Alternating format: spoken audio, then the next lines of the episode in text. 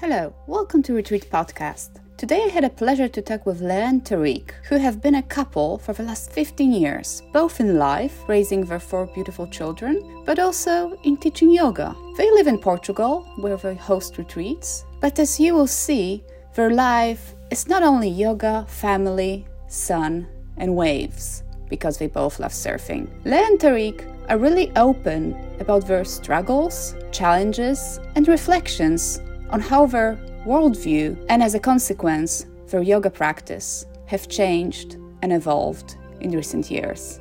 Enjoy. Hello, Lea. Hello, Tarik. Welcome to Retreat Podcast. Thank you for taking your time. Thank you for having us. And as I understand, it's not your first time in Poland. So, what's the connection? You come back and do workshops for us. Actually, Tarik started coming in 2000 10 or 11. Yeah, sometime around then. Przemek invited me once, and then I came a few times more, and then we started having some, some many Polish students coming to our program Yeah. in Southwest Portugal, and then you know, I used to say like we have to learn Polish because I don't even can At, at least, at least counting. yes, exactly. I tried. Oh, how do we inhale, exhale, but I never followed through. Norwegian also, so it's one of the two countries we travel the most. okay. So then I went also to uh, Krakow once, twice actually, and then we've been going to Wrocław Wrocław. Yeah. for like four times, I think, to teach workshops with Okay. a woman called Eva. Yeah, uh, yeah, I, I know, I know which Eva. I know that you you went to Wrocław as well. But how do you, how did you guys meet all those people? Mysore? Me and Lea. No, no, all of it because you know suddenly Poland and Norway, two countries you travel to the most. What's the story behind?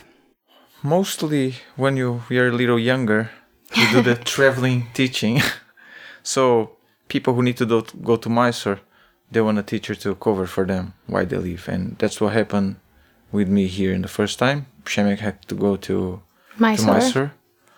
Was it Mysore? Or, yeah, oh, he went so. to Mysore. He went to Mysore and you covered for one month or Yeah, two that- months. I think it was was it two months, two months or one month, yeah. And it was really cold, but it was a very good experience. But we spent many years like traveling everywhere and teaching from 2008 until 2013. We were everywhere Thailand, Norway, Brazil, New York, Spain, Portugal. Anywhere else? U.S. I said Norway, yeah. Yeah, And you you have always been teaching together. We have been teaching together for 15 years. And previously to that, we taught on our, we had different situations, but we were still teaching. Okay, but you both met in Mysore, as I as I have read online, and you were both teachers at the time. yes. Already yoga teachers. Yes. Okay. So when did you when did you decide to settle in Portugal? Long story. well, we were kind of hunt country hopping during various years. And then my oldest daughter was six years old and she needed to start school. And so we kind of had to make a decision to settle somewhere because, yeah, and my older son is Portuguese, so we have to be closer to our exes to make mm-hmm. sure they could see their. But as I found out, you were drawn to the ocean. You really wanted to live by the ocean. Was it a part of the story as well? yes. I mean, there was no way we were not going to live by the ocean. And Portugal was the most neutral and easy country that would satisfy more or less all of our fam- family needs. We lived in Menorca, but Menorca is in the Mediterranean, and the waves are not that good. So Okay. That's quality of, of the waves that play the role as well. primarily, primarily prefer oceans that you can surf often. But, And you can surf in the Mediterranean, but it's not something that you know you need very specific conditions. And you know, if you really want to surf every day, which was one of at least mine, then Lea got the ride with me because one of my goals was to live in a situation that I could surf every day, do yoga every day, and then Lea started surfing too. So then we pretty much do the same thing. We practice the yoga, teach the yoga, go surf. I found on uh, on your Instagram, I think it was um, you, Tarik.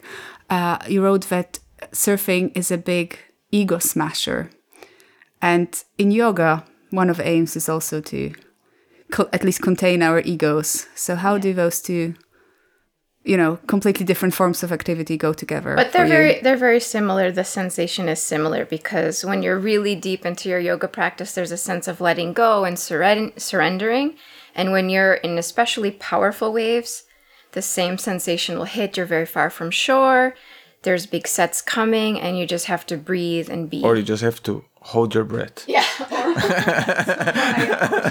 yeah. I big think kumbhakas I on think- waves I think I think surfing is a little more humbling because yoga, even though the idea is try to surrender and let go, um, majority of people who practice yoga, especially Ashtanga, are a little bit of control freaks. So you want to control everything, every aspect of our lives, and you know then you can say that a teacher could probably help you with that process of you know smashing your or your ego, whatever that means Or keeping your ego in check. keep your ego in check but surfing is a different entity and because the ocean it's it's alive you have no control of and it's really going to decide what's going to do with you. Of course it's you know you don't see in the news that a surfer dies every day but every time you go especially if you go surfing big waves there's this this aspect that you have to surrender. Because if you're gonna panic or if you try to control you're just not gonna succeed. So there's this the aspect of letting go maybe is comparable to deeper states of yoga. That's that you that a normal yogi or doesn't experience that often. And i think they complement each other because surfing is a ego smasher but then if you're a very good surfer your ego can be very, very big too. I think to have a philosophical background like yoga to sort of go along with surfing is like a good combination. It sounds like um, you made a dream come true. You live in a beautiful place. You managed to build your professional life as well around two passions of yours yoga and surfing. You hold retreats. You have a beautiful family. Um, so, a couple of weeks ago, when I reached out to you asking um, uh, to do the interview, I really briefly scrolled through your podcast, read some interviews, and I thought that most of our talk will be about, you know, this beautiful, easy life, um, beauty of yoga. But then I discovered some of your posts that were really moving um, for me, really raw, really honest. And uh, before I go into details, did something change for you um, during the pandemic? Because most of those thoughts that you um, shared with with the public, with your followers, uh, appeared during that time or after the pandemic. Yeah, well, the pandemic was a very specific time for us because I would, everyone. yeah, for in, in in our situation, we we decided to build a house during that time period because we wouldn't be traveling, and most of our life was organized by traveling. So we had spent we spent almost the entire year outside of summer country hopping to do workshops and maintaining our family, which was a lot, but that was the way we made our money. And when the pandemic came, we are like, okay, we're gonna settle down. We're gonna build this house that we have to build. We already had some plans before to try Yeah. to do that, but like, you know, we just keep pushing. Oh no, because we had the land already. It was like, oh, we're gonna build or not? No, we we have no idea really how we're gonna build it. So there's all this, you know, and then you know, life's good and a lot of students. So you just you just keep, you know, Yeah, and with the pandemic, our area of Portugal had pressure because a lot of people wanted to rent houses there. It's beautiful, you mm-hmm. can escape the city, la la la, like everywhere else, it's the countryside. So suddenly, renting houses became impossible. At the same time, I would say we kept our program going, which was not the most regular thing to do during the pandemic. So we had a lot of students. because also because we could we were a very ni- isolated area secluded uh, our yoga shala was in the middle of the forest. And you know there was no really no we were living basically in a bubble for two years. Oh, too bad. I didn't know about you guys back then. yeah covid basically didn't exist. And in fact a lot of people came like there was not really no, no one got sick but regardless of that because we are probably one of the only places open we had a lot of people coming. And i guess people were coming with those well, I mean, they were brave enough to travel and come to practice. You know, that shows that people, when they want to do the yoga, they're really, you know, they're people trying to just be normal, you know, live a Well, everyone was searching for positivity, for an oasis. I used to call it the COVID refugee camp because we had everyone coming. We had this outside yoga platform classes were really bombing, you know, like 60 people per day.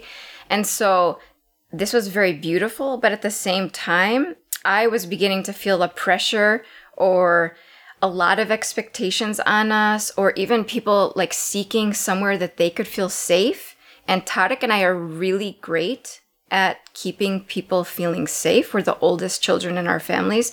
So we have this, we have a lot of children. So we have this sensation that I think we offer people where they feel they can just be held by us. And during the pandemic, that holding space became a bit heavier. Also because people had no no escaping routes for their energy, so everything got r- way more concentrated. You know, so then they more, were not yeah, big, more expectations. more expectations. They were not really ready to deal with themselves, and also we started getting a little like burnout with the excess of, you know, energy. So which is it, which is hard to manage. So like, there is there is a lot of talk about you know burnout, especially regarding the corporate environment, of mental health problems that we are like most of us are struggling with um, post pandemic. Still, uh, a lot of anxiety, you know, anxiety. We have a war going on just just across the border. Um, but I think what you're saying, feeling a, you know, sort of a burnout out of uh, living your dream and uh, being part of a. I disagree with me if you if you don't think it's the right word. Being part of a biggest wellness industry because it's an industry. For many people, it, it can be a surprise. Yes, absolutely. And I mean, I know where you're heading. And yeah, I had a full on heavy burnout. And because of being part of the wellness world and being so into, you know, we've been doing yoga for over 20 years. You know, I left university, I went to Mysore. I've never been in the real world, so to speak. I never had a career. I've been a yoga teacher since I'm 20 years old. I've dedicated my life to that. So when I started having a burnout in 2021, it was very shocking to me. I didn't know what was happening to me, and I had no reference point to say, hey, I'm feeling overwhelmed, I'm having anxiety. At the same time, I have the sensation that yoga gave me so much strength and so much ability to hold in uncomfortable situations that that almost allowed me to hold an uncomfortable space longer than I should have. You know, I've been doing advanced asanas that are very difficult to do. I'm a big wave rider with my husband, you know, with my level of surfing, so I could hold uncomfortable situations longer than I should have. So uh, also not really with because we live a little secluded we don't have a big support systems. So you know i think that's that's also what society realized all of a sudden in the pandemic because you know all of a sudden you cannot say go to the hospital to see your grandparent that's dying you know uh, and like and like no one could vi- visit each other. And like you know f- like leah's family is in the other side of the atlantic you know my other family too in, in brazil. So you know like i have my mom now for for example but so again we are more the supporters from from the community than so we have to hold everyone you know? So i think especially her because she's the mother she's feeling that pressure more than you know? And i me as a man the father i have to just get the, the stuff done the house and like rah, you know? So like we create this polarity in our relationship that was quite old fashioned like traditional male female uh, you know family you know Did so- you create it on purpose, the traditional uh, division of roles? You know, we had babies always since we've been together. I became pregnant with our first child together after one month of being with Tarik. So I only know life with Tarik as a mother. And I was one of those really kind of old school moms, breastfed till they were three, co sleeping. I did everything with my babies. It's, you know, I understand why I did that because of my life story. And I think in regards to to burnout, I don't think anyone can have a burnout. I think it's like you have that on your system already. You have a sensitivity there from whatever your story trauma. is or a trauma, which everyone's talking about these days. And for someone to have a burnout, I believe it's like a perfect storm. Suddenly the humidity is the right humidity, the temperature is the right temperature, the wind direction is the right right wind direction, and it just it all happens at once and it's like a hurricane.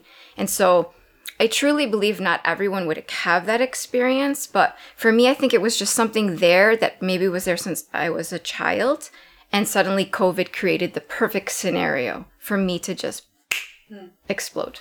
especially for people like us who like you know you just get the passports travel anywhere we wanted you know anytime we wanted and all the sudden like oh no no one's traveling so your all your plan plan b's done you know and yeah that was that was intense. Don't you think that um, also for people being part, being either yoga teachers, healers of different modalities, uh, or just simply people who practice yoga and try to live healthy, uh, be on a clean diet, vegan or otherwise, the pressure of admit, you know, the, the, the pressure to live clean and then the guilt if something goes wrong, Yeah. quote unquote, That's a- is greater, it's bigger. let, let me just inter like I, I wanted to say something and I forgot is that also the kind of environment that we live you live in a countryside and more remote more connected with the elements when you ask about the roles if we decided to have the these defined roles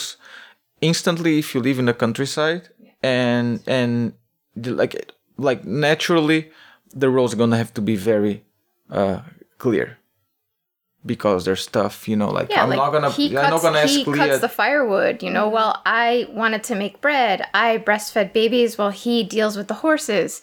And so these roles just naturally create themselves because if I decide I'm going to be like a full on mom, I'm not going to cut the wood. Do you understand? So I took that role on quite seriously and he took his role quite seriously. And so we were kind of like this model male, female, husband, wife, yoga teacher couple, which what you were getting to did put a lot of pressure on us suddenly. Not that we sought to be any perfect couple, but I could see people.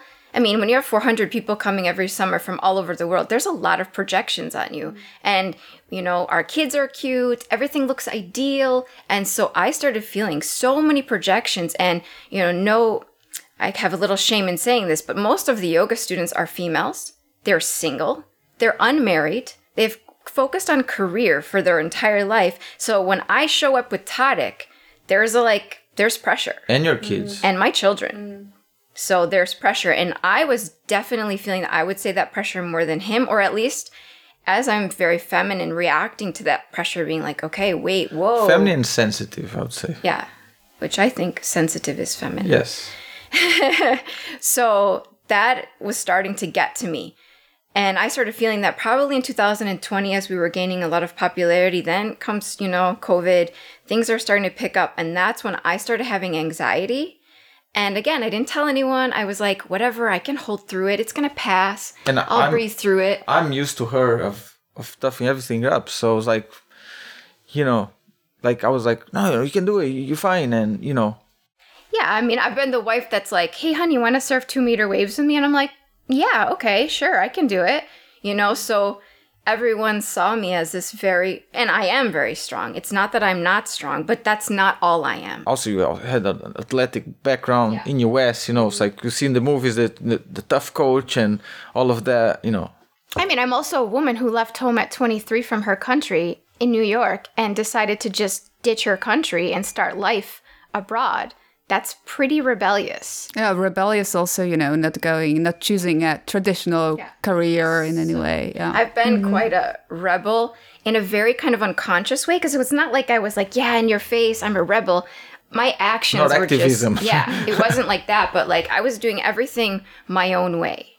And you pay for that. But, you know, being strong is not contradictory to being vulnerable at times. And I, I personally feel there's a lot of strength in, in, in you, what you're both sharing.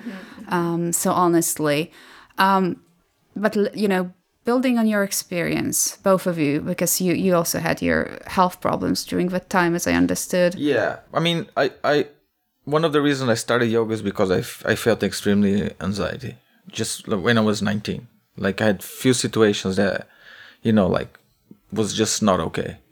Like feeling very anxious the whole day. You know, so for me, that was like I experienced that for many years. You know, then I had another situation in COVID, but that I don't even know where that came from. But then we can talk later about it. Yeah, but um, so building from this experience, what would what would be your your advice to the ma- many people out there? I can t- t- tell you from my observations and experience, anxiety is so widespread. Yeah. Everybody's putting on a you know, strong smiley face, especially that we all have so many roles mothers, fathers, careers. Um, mm, also, everybody wants to, uh, you know, have some have some free time, hobbies, etc. And you only hear about those things yeah. when you really get into some safe space, and people are still whispering, like, "I needed to be on medication. I uh, I'm in therapy." And I think it, I think it's talked more and more about, but in Poland, I think it's still partially taboo. Maybe not in no, cities, it's still, but it it's still, still is taboo. If you say you've had like any of these things, people get very scared.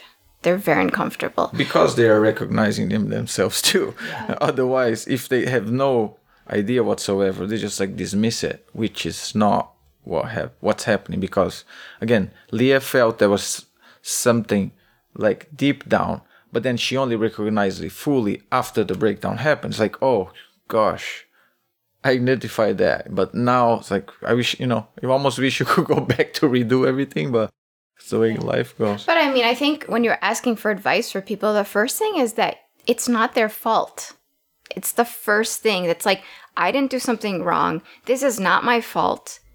And that was really big for me because I was doing everything right. I'm a yogi. You know, it's like when people come with anxiety, the doctor sends them to yoga and meditation, change your mm. diet, get sunlight, mm. make sure you're getting outside in nature. Helps. I mean, you know, like, well, they can start from there. But like when me, I was, that was my whole life lifestyle. So when I come with anxiety, the doctor looks at me as like, what the hell is she going to do? You know, but, and there's a sense of guilt. I must have done something wrong what is going wrong? No, the world is wrong right now. You know, I read this beautiful quote from Gabor Mate, you know, saying that we're all the canaries in the mind, saying that there's something wrong. So when people are showing up with anxiety and depression and sickness right now in our society, it's those brave people are willing to to say, "Hey, this is not working. We need to stop. We're not going in the right direction. We are sick from the way we're living. There's too much pressure." Yeah, I have a feeling that uh, us as Western society, we, we manage to spoil the beautiful thing that is yoga, for example, to put the competitive edge yes. into this, like we we managed to put into everything. Um, and I wanted now to uh, ask you, Tarik, about your recent post, uh, more about you know being um, the elephant. Uh, just quoting oh, okay. you, there's an elephant in the room, and it's not Ganesha. You know, about vulnerability as well, about um, how the practices changes and should change while we all age.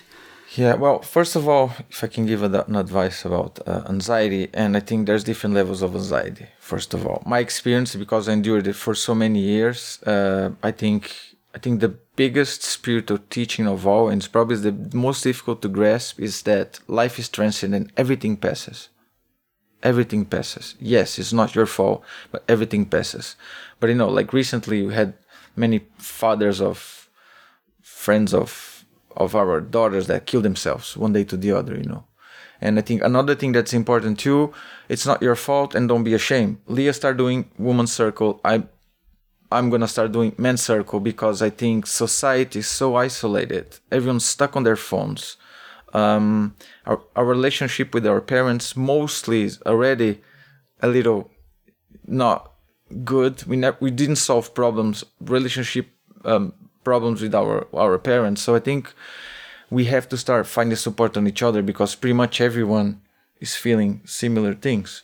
So and of course, I mean yoga yoga if you done done correctly can help you can help you to decrease levels of anxiety. I mean, I had that, that experience. You know, I, I that was I think I had I had in my history through yoga I had some pretty strong spiritual experience, if you can say like that. I I I, I really believe that not many humans um, have felt so good, and but that can also uh, give you some arrogance because if you've been two, three, four, five years feeling like so amazing, and if there's no you want to keep it up. Exactly. Well, also, also, I think that's a big difference between. And you lose empathy to those who are not in that. Exactly, and I think for me particularly, I think I ride that wave high for too long, and I I lost a lot of sense of of reality, you know, and like I think this beating that me and Lea got made made me feel more more human, you know, and I think there's this uh, idea that we just start doing yoga and you and you you're better than others. You eat better than others, and you start judging everything and, and every everybody. And I don't think that's a really good yoga thing to do. it's like it's actually the opposite, you know. So I think we create these uh, elitist bubbles, and you know, like you say about com- competitiveness. Yeah, it's there. Um, I feel men uh, have that edge differently than women and i don't want to be judgmental that's my experience that how i see men compete more in themselves in a weird way. I don't think unless you have a like a father issue or something you know no matter what guruji was an older man you want his attention but not not in the same way that i feel that the, the women need the recognition or attention of, of of of the teacher you know so i think i feel more and i don't want to offend anyone uh, i feel more that uh, in a typical yoga room um, the female student wants some energy f- directly from the teacher and you know i think It might be because he's so handsome. no, no, no, no. know. I'm not. I'm, I'm not saying. I'm not saying because actually, I think you know. I, I, I think I, I, discovered that quite quite soon during my, my. So it's something that I try to neutralize a lot, and unfortunately, many of us male teachers abuse our power. And I think what's happening right now is a shift. Sometimes I throw a joke like, "Oh, I'm like slowly fading out." You know, you better take a picture of me now because I'm gonna be one of the last uh, male yoga teachers, because you know the industry, like you said, it's just much more woman dominated. You know, But I think it's well, it's happening, but it's happening slowly. Still, many famous teachers are men, and most of the students are women. still, but again, you know, like I said in my post, like you were asking about it, you know, majority of the old old people who try to keep mm. pushing too much, everyone's injured. You know, so and I think that's if there's, I mean, I love the practice. It's it's it's amazing, but no one's telling you, no teacher's telling you, okay, now it's time for you to slow down. Uh, for the next three months, you're gonna decrease your asana practice. You're only gonna do pranayama. You're gonna do this meditation. No, it's just like you know, still other teachers like if you hear any famous teacher, oh, because I wake up two in the morning, and and this is the big, you know, the big highlight. Oh, I'm so, I'm so austere. I'm so like, you know, when there's studies now that you should s- sleep eight hours. You know what I'm saying? So there's no amount of like, oh no, you can do pranayama because I felt on my body a lot of that, and I, I guess in somehow surfing saved my life because it's something that some people have pa- passions besides the yoga, and I see some guys um doing uh, rock climbing or doing some kind of other activity that they can actually uh, put the magnifying lens from yoga on it. And but yoga is a quite jealous practice you know it doesn't really allow you to do anything else besides that. If you're doing ashtanga yoga traditionally every day six times a week skipping the moons doing you know friday do uh, primary then sunday you do intermediate and then you do third series because this is very very demanding And what about injuries? Because uh, injuries in Ashtanga, uh, in yoga, in every physical practice happen. And uh, something I hear a lot, which which honestly makes me makes me so mad, is that injuries are your fault. Maybe your ego is still there. Maybe you know whatever you have issues with your par- with your father. If your left leg is left knee is hurting, The thing about Ashtanga is it's just so much repetition. It's just so much repetition, repetition, upward dog, downward dog, upward dog, downward dog. If you do that enough times, you're going to hurt your joints. You're going to pull muscles. You're going to injure your sacrum. Like, it's just the way it is. No one wants to say that doing 3 million times upward dog, downward dog is going, not going to hurt your low back. I mean, it is. It is. I remember when I was, you know, when I was younger in Mysore, like, you know, I have my, my best friend and he's also a surfer. So we carry this competitive attitude from surfing to yoga. So like I remember us stepping out and seeing the other guys, you know, like, oh look at them, they cannot do it anymore. Like with this idea that we're gonna do it forever, or like we're gonna, you know, like this idea that you're gonna keep keep pushing, keep pushing, and you know, but then you know, start you start feeling your body and I'm not saying it's impossible. There's there's people that can actually do it, but the vast majority of people can't do it. Can't do it. It's on just the same level to keep it up on the same no, no, level. you, you just you can do it. It's just not. And like some people, you see at the beginning, like straight Ardha Baddha Padmottanasana, for example.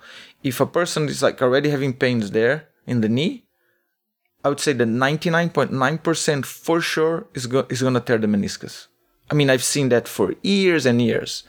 And, you know, also, I think there's a lot of shame. The same way uh, you're asking Lea, because, you know, you're doing this, all this amazing life and you're doing everything right, the sun and stuff, like, and you still, your mental health is challenged.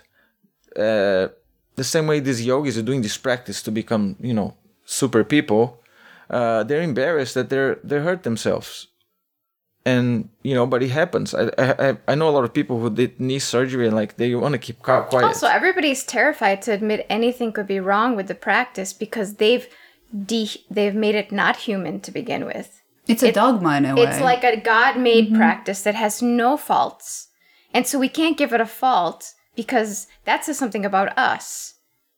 And then it says something about the possibility of our, our future economy. So it gets very, very tricky to be like, hey, this practice is still amazing. It does beautiful things. There's such a powerful thing between bandhas, drishti, the, the breathing, and then go, but we can just let it get a little bit softer or take it down a notch to match our Western lives where we have to take care of children, run to work, blah, blah, blah.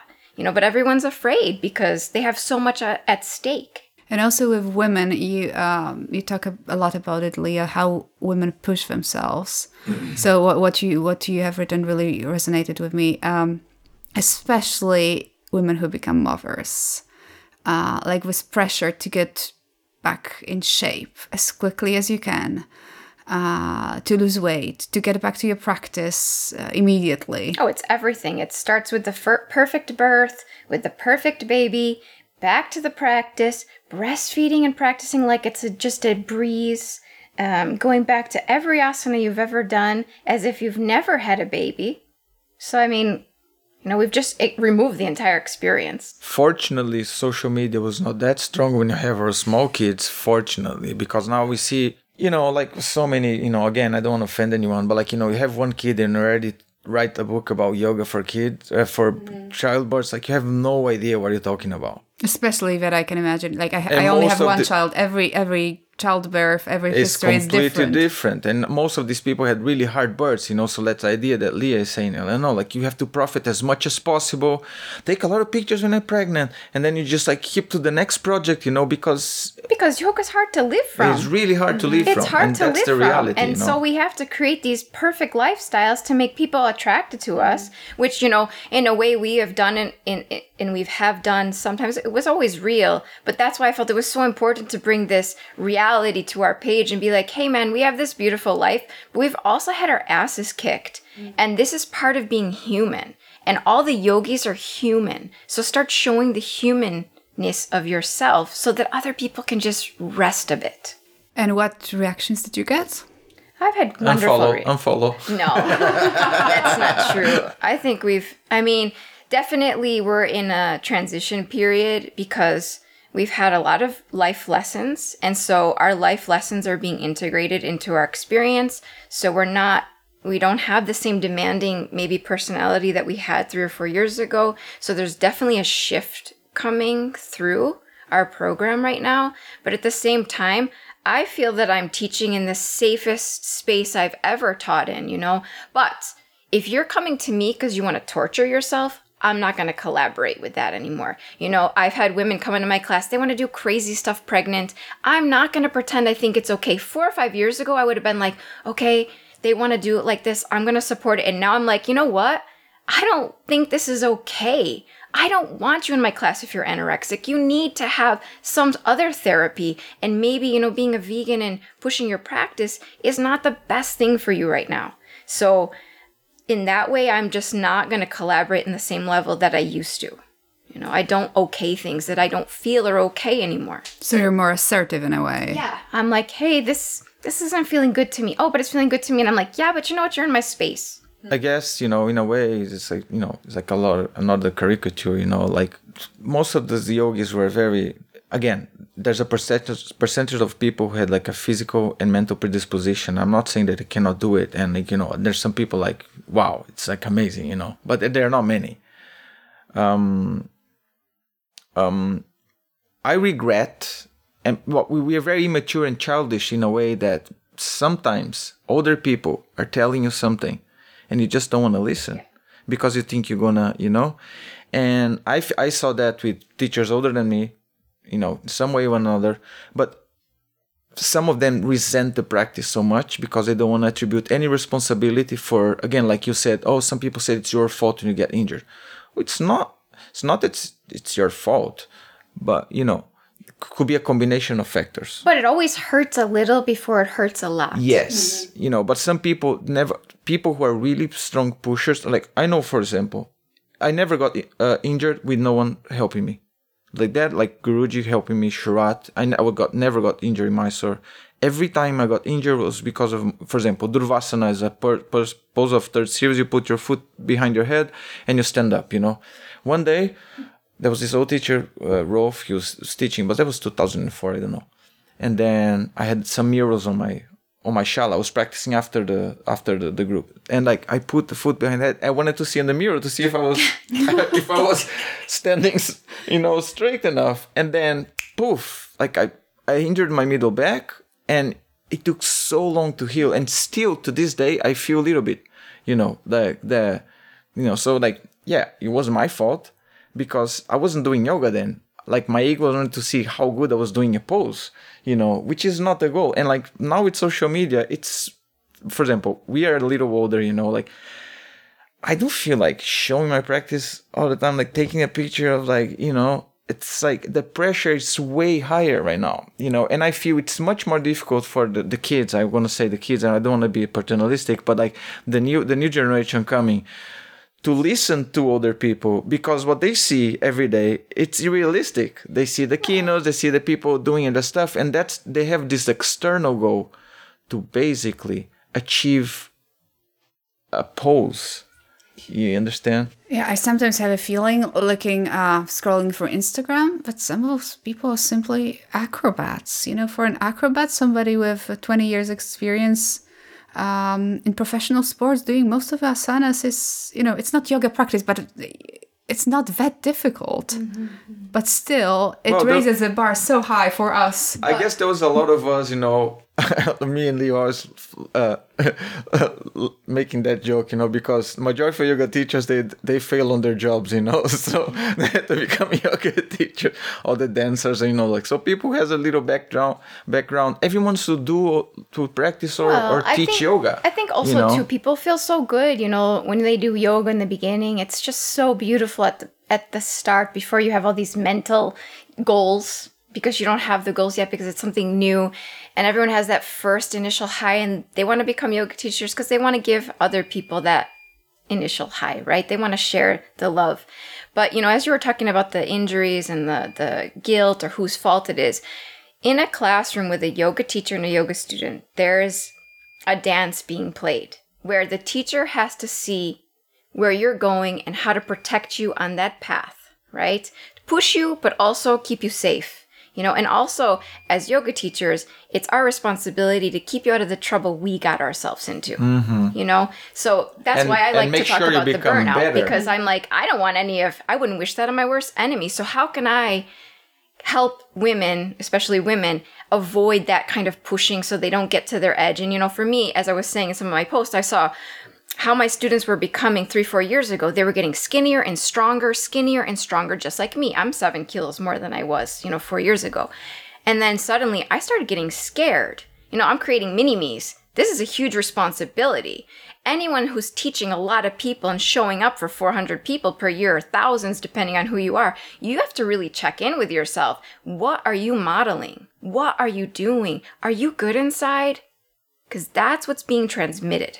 I think you also touched another big taboo um, among yogis. You said you started eating meat again. Yes. Because you felt you needed it. Yes. well, it was was beyond feeling. Craving. No, it was like a, just a total. I when I had my burnout, I got down to about 43 kilos. I couldn't eat or sleep during a period of time.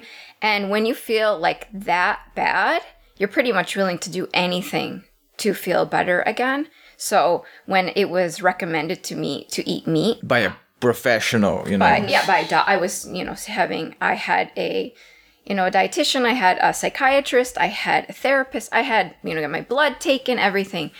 I was just like, whatever, sign me up. Like, I'm going to do it. I don't care, you know. And I had a lot of people, you know, even some very close friends to our family, you know, look negatively at me. And I'm like, hey, and then it's like, what, you know, how can you judge? You cannot judge. You have no idea. And this was such a beautiful thing for me in yoga teaching because after these experiences we've had, I can't judge anyone. How do I know what's going on in your life, what you've been through, what your body needs? And it's just like, I just try to give what I can give and help the way I can help, but I'm not going to give you some dogma to follow mm. because my way is the best way.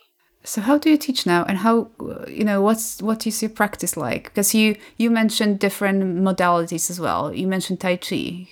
yeah, but that's some that's something I've done. Well, then comes my health problem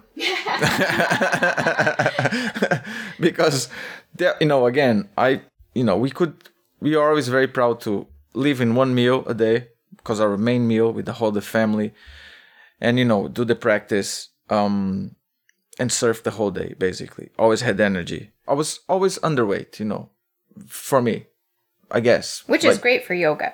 which is amazing for yoga you know. And i i was surfing good and big waves and all that but there was something lacking. Um so then then what happened was in my case in my specific situation um because i had this idea with my friend of mine that surfer too you know they for us yoga was the best thing you know, and it should be the best thing for surfing too. But then one thing is the idea, another thing you have to actually test it. And like every time I had a very consistent and deep practice, you just ruin my surfing. You know, either I have a lot of cramps or your body get too loose. It's very easy for you to, to too get, flexible. You mean? Yeah, too loose because you don't use your core on yoga use your core sometimes of course if when you do the jump back jump through but if you know you want to do deep back bending you cannot contract your abdomen. You have to you have to suck it in. And you know and so and even your rib cages you know because you inhale exhale exhalation is passive for example. So you inhale so all, all this become very loose. So then i was like wow but you know then on my list of priority and then then we had sage. He was born and he was the only kid that there was just no way around that he was gonna let me practice. So I I was doing whatever practice I could do, you know, because I'm Lea. She can practice under a th- thunderstorm, with anything can happen. Me, I'm just more picky. I prefer to do when it's still dark.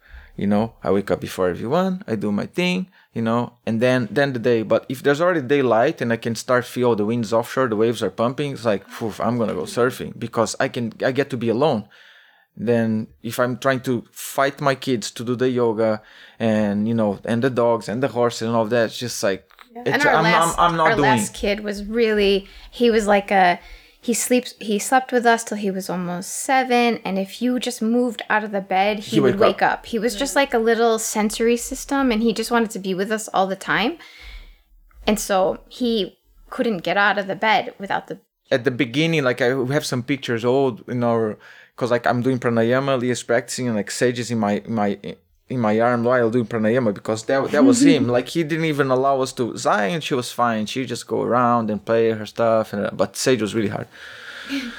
so so then what happened during?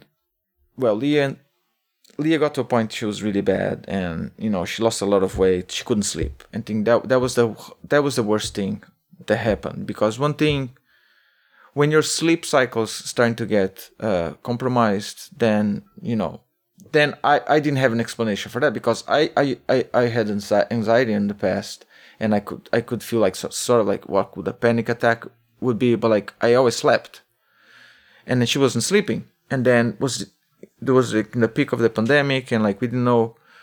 She's like, I have to go to see my family. I have to go, and like one day to the other, well, we were we were teaching yoga surf and sun, and there was like thirty people every day showing up to our shala or more, and I was not okay. And we lost our old house we were renting because we, we you know, everyone building a house knows, oh, it's gonna take one year. No, and then it takes three times more. Mm-hmm. So then we got to a situation that where we were camping in our in our land while building the house. And now I, I built the house with some friends basically with my bare hands beginning to the end and you know she went to the us and then it was the peak of the pandemic and then when did you go july And probably you couldn't come back if it was with Pico. so that was my fear I could come back, but I went like with a one way ticket, being like, "Hey, man, I can't sleep. I can't deal with this. I'm out of here. I got to take care of myself." I took the kids and just went to my sister's house to to rest, and I was like, "I'll come back when the house is finished," and the house was like never going to be finished. So he was just. And Tarik and I, we have been together for 15 years. We are very close. We spend like all day together. We do most things together. We're not that comfortable with being apart. You know, like I don't know what it's like to be able to sleep in a bed without him. I feel very I'm gonna be like those old people who like they die within a week of each other, you know, whatever, we're codependent. I don't know what we are. But you know, so I left because I couldn't I couldn't cope and he had to work and he had to build the house. So he was under a ton of stress. Yeah. So anyway, around end of August, I got COVID. Finally, she's like, "Gosh, you know, in the peak of summer," and it was it wasn't like, and I had I had worse situations in India. I was like felt felt way way sicker, but was very persistent. You know, like I was get. I remember I was tired, super tired, ultra tired, and then and then one day talking to the, the phone with Zion with, with our our our daughter um she was like really stressing me like dad this and that and then I was just like okay. Then I start feeling a little dizzy and like I looked to the to the sky and and I, I felt like I was gonna faint. And then like okay Zion I'm feeling a little bad. I, I the phone off and then like I went close to the floor take a few deep breaths you know because that feeling that you're gonna faint and then I looked at the sky and the clouds started like moving and was like okay this is not passing so mm-hmm. you know like and then I tried to stand up but there was no way I could stand up I was just like the world was spinning around it was just like oh my god and then I felt the left side of my body getting like numb like it's like oh I'm gonna have like a Stroke. a Stroke stroke, you know. It was just like then, then I called my friend. He was down there. In, in- the friend was helping me to build the house. Like, I'm really not feeling good. Like, come here. So then my mom and him arrived. I was laying down on the ground, you know. really, it's like I don't know. Then I called a few friends. They're doctors. Said, well, maybe something with your ear, you know, because you know they have these things called surfer ears. Mm-hmm. And then we went to I went to the emergency, and then as soon as he put the the inspection instrument, I don't know the name, in my left ear, I feel like, oh, oh yeah, it's a little inflamed, and I, I still, I was still very dizzy, and I couldn't hear from my left ear. That was, hmm. that was gone. I, cou- did it pass? I couldn't hear. No, I'm still, I still can hear from left ear, and then I was really dizzy. So f- I basically had a, as a sudden hearing lost with a vertigo episode. And then, of course, I took some medicines, which I, which I never do. I never took take any kind of medicine whatsoever. But like, that was a situation that was like, you know, I was so injured. I went to the emergencies. They gave me that stuff, and you know, and I was the, I mean, that was way after COVID. It was like probably two or three weeks after, so it could be related, could not. Mm. I don't know. Yeah, and I was under a lot of stress. Maybe maybe there's gonna be another lockdown. I'm never gonna see my family again. And I and then I would talk to people. How is Lea? Oh, she's fine and she's better. And like, so just build the house as fast as you can. You know, like having pressure for all direction. Just build the house. It was like ah. And then you know it was just like life saying like, dude, now you're gonna take rest. Kaput. You know.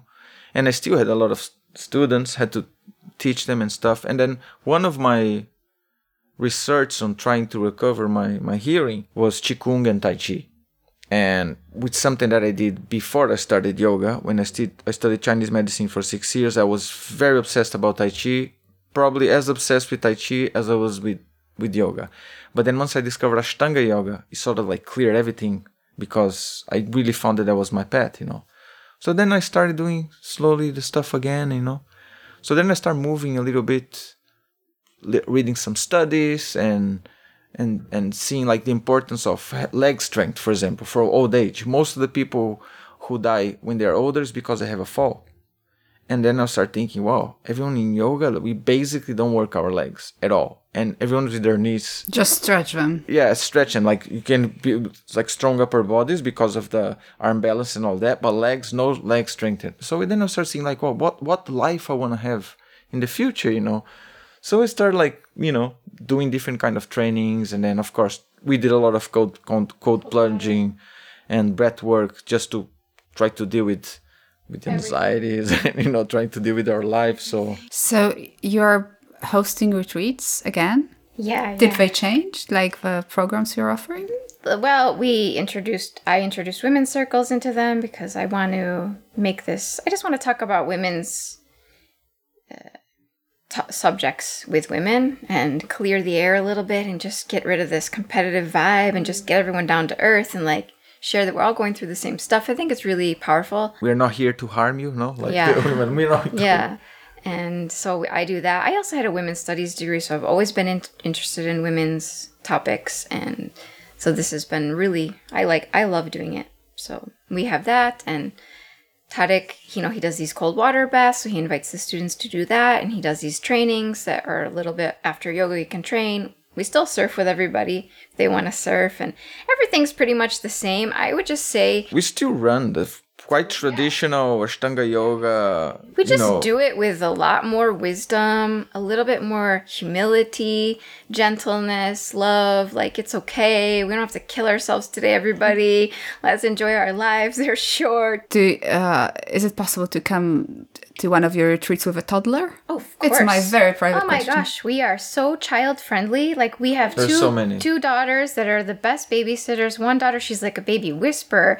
Everyone unloads their babies to her because she's just really great with kids, so they can be there. And we're like animal friendly, child friendly, everything friendly. Yeah, I mean, I think somehow, because you know, I think the majority of students are are are women, single, career oriented. Yeah, you can, you know, I think that's the majority in the yoga world. But like, we actually have a lot of families because you know, like attract, attracts like, and probably the number of men that we have in our shala, it's higher than We have a ton of surfer guys. yeah. And the husbands always end up showing up. They're like, okay, this isn't, this is cool. This isn't really too weird. Like, let's, I'm going to go too with the wife. And then the wife is so happy. Everybody's happy. so we have that too. Right? Okay, so I hope that maybe next year I'll, I'll visit you guys in Portugal. Please And do. Thank you, thank you for this conversation. Thank you so much.